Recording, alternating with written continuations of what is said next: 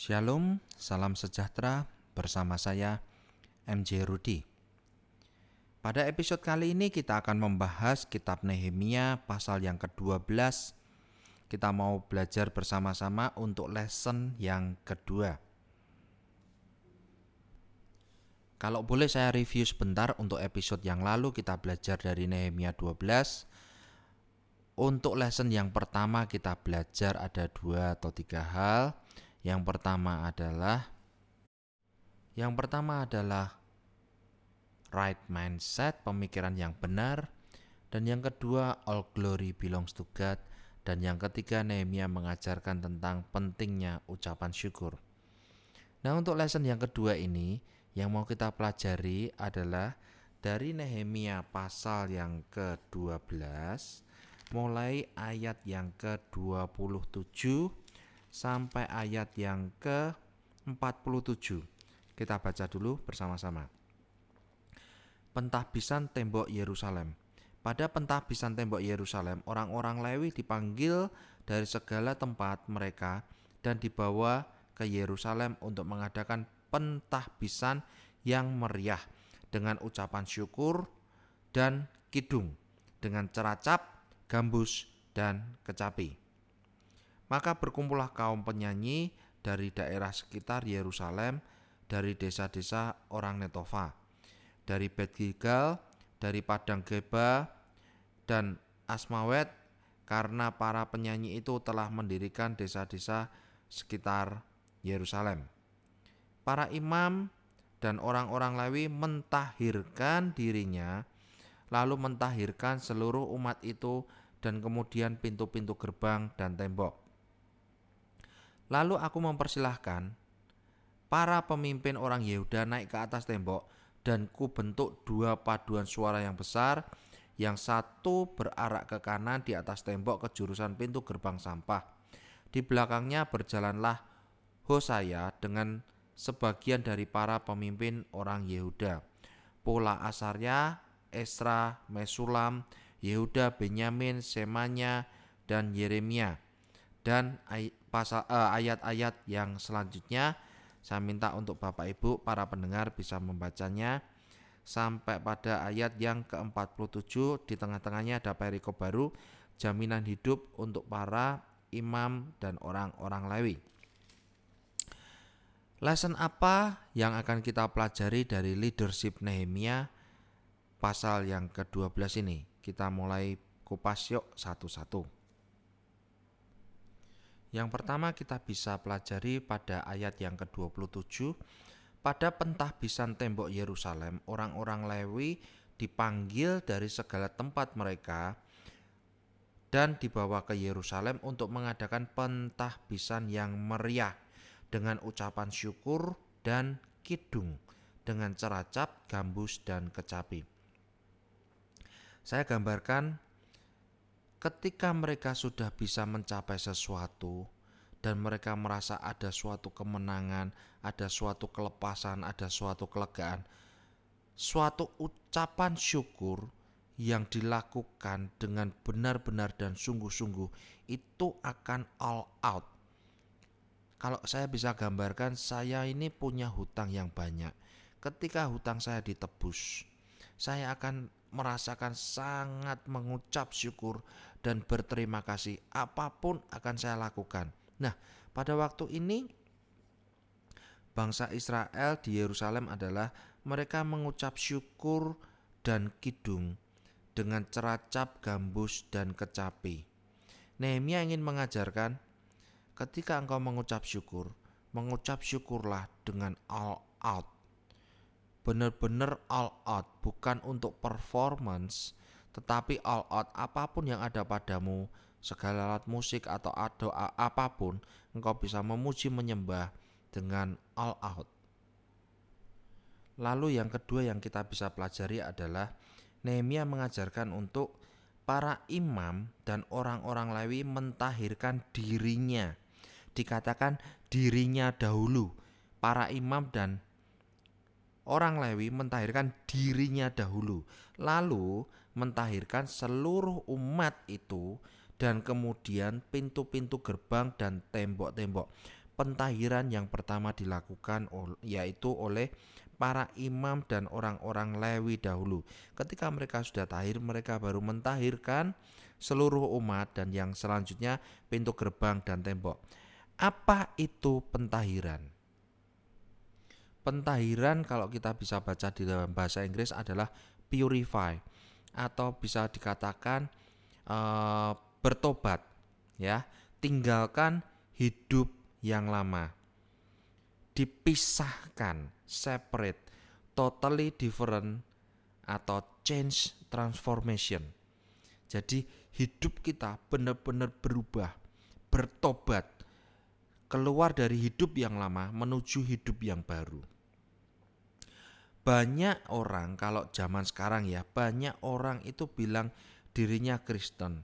Tetapi mereka masih di dalam kehidupan yang lama. Contoh, mereka banyak yang masih bisa berbohong, mereka mencuri, mereka tidak punya integritas, tidak bertanggung jawab. Mereka masih marah-marah dan terus marah-marah, sombong, bahkan ada yang merokok. Padahal di dalam mulut mereka, mereka berkata, "Aku sudah bertobat, aku meninggalkan hidup yang lama." Tetapi dalam kehidupan sehari-hari, mereka masih melakukan hal-hal yang lama. Nah, ini Nehemia mengatakan, para imam dan orang Lewi mentahirkan dirinya. Mereka bertobat, purify themselves. Nah, dikatakan yang pertama adalah pemimpin melakukan itu yang pertama. Jadi pemimpin itu siapa? Para imam dan orang-orang Lewi. Setelah mereka mentahirkan dirinya, barulah kemudian mereka mentahirkan umat. Selanjutnya hal yang bisa kita pelajari kita bisa baca pada ayat yang ke-43. Pada hari itu mereka mempersembahkan korban yang besar. Mereka bersukaria karena Allah memberi mereka kesukaan atau joy yang besar. Juga segala perempuan anak-anak bersukaria sehingga kesukaan Yerusalem terdengar sampai jauh di sini di beberapa dikatakan bersukaria. Ya, dan mereka kesukaannya atau joy. Nah, yang kita bisa pelajari Nehemia menunjukkan kita memasuki pintu gerbang dengan puji-pujian. Puji-pujian bisa dikatakan juga tentang joy, kesukaan yang besar. Ketika kita bersyukur dan kita mempunyai kesukaan yang besar, dikatakan di sini ayat ini adalah mereka mempersembahkan korban yang besar. Ketika hidup kita sudah berkemenangan, kita nggak akan hitung-hitungan untuk memberikan yang terbaik bagi Tuhan. Persembahan, sacrifice, kita nggak akan pernah hitung-hitungan karena apa? Berkat yang sudah Tuhan berikan kepada setiap hidup kita ada satu hal satu hal penting lagi yang kita bisa pelajari dari ayat-ayat yang sudah kita baca. Kita bisa bayangkan banyak sekali ribuan orang berkumpul di tempat itu untuk memuji dan menyembah Tuhan. Mereka memainkan alat musik seperti yang sudah kita baca. Ada ceracap, gambus, kecapi, lalu berkumpullah kaum penyanyi dari daerah sekitar Yerusalem, desa-desa, dan banyak sekali orang yang berkumpul dari daerah sana berkumpul menjadi satu. Jadi kita bisa bayangkan di tempat itu berkumpul ribuan orang untuk memuji dan menyembah Tuhan secara bersama-sama. Nah, di sini dikatakan pada ayat yang ke-43 bagian yang kedua, juga segala perempuan dan anak-anak bersukaria sehingga kesukaan Yerusalem terdengar sampai jauh. Unsur apa yang kita bisa pelajari di sini? Nehemia mengajarkan tentang evangelism atau penginjilan. Banyak sekali yang terlibat di sana, bahkan perempuan dan anak-anak, sampai kesukaan Yerusalem terdengar sampai jauh. Orang-orang di dekat sana menyaksikan sesuatu hal yang unik, yaitu apa? Yaitu adalah ketika mereka mengangkat tangan, banyak sekali orang mengangkat tangan, banyak sekali orang memuji dan menyembah Tuhan, Banyak sekali mereka juga memainkan segala alat musik yang mereka ada benar-benar all out untuk memuji dan menyembah Tuhan. Kalau kita bisa melihat orang yang tidak terlibat di sana dan melihat banyak sekali orang yang melakukan hal yang sama, memuji dan menyembah Tuhan. Saya kira mereka akan berpikiran ada apa ini. Paling tidak penginjilan itu masuk. Ketika mereka menyanyi menyembah Tuhan, orang akan mendengar.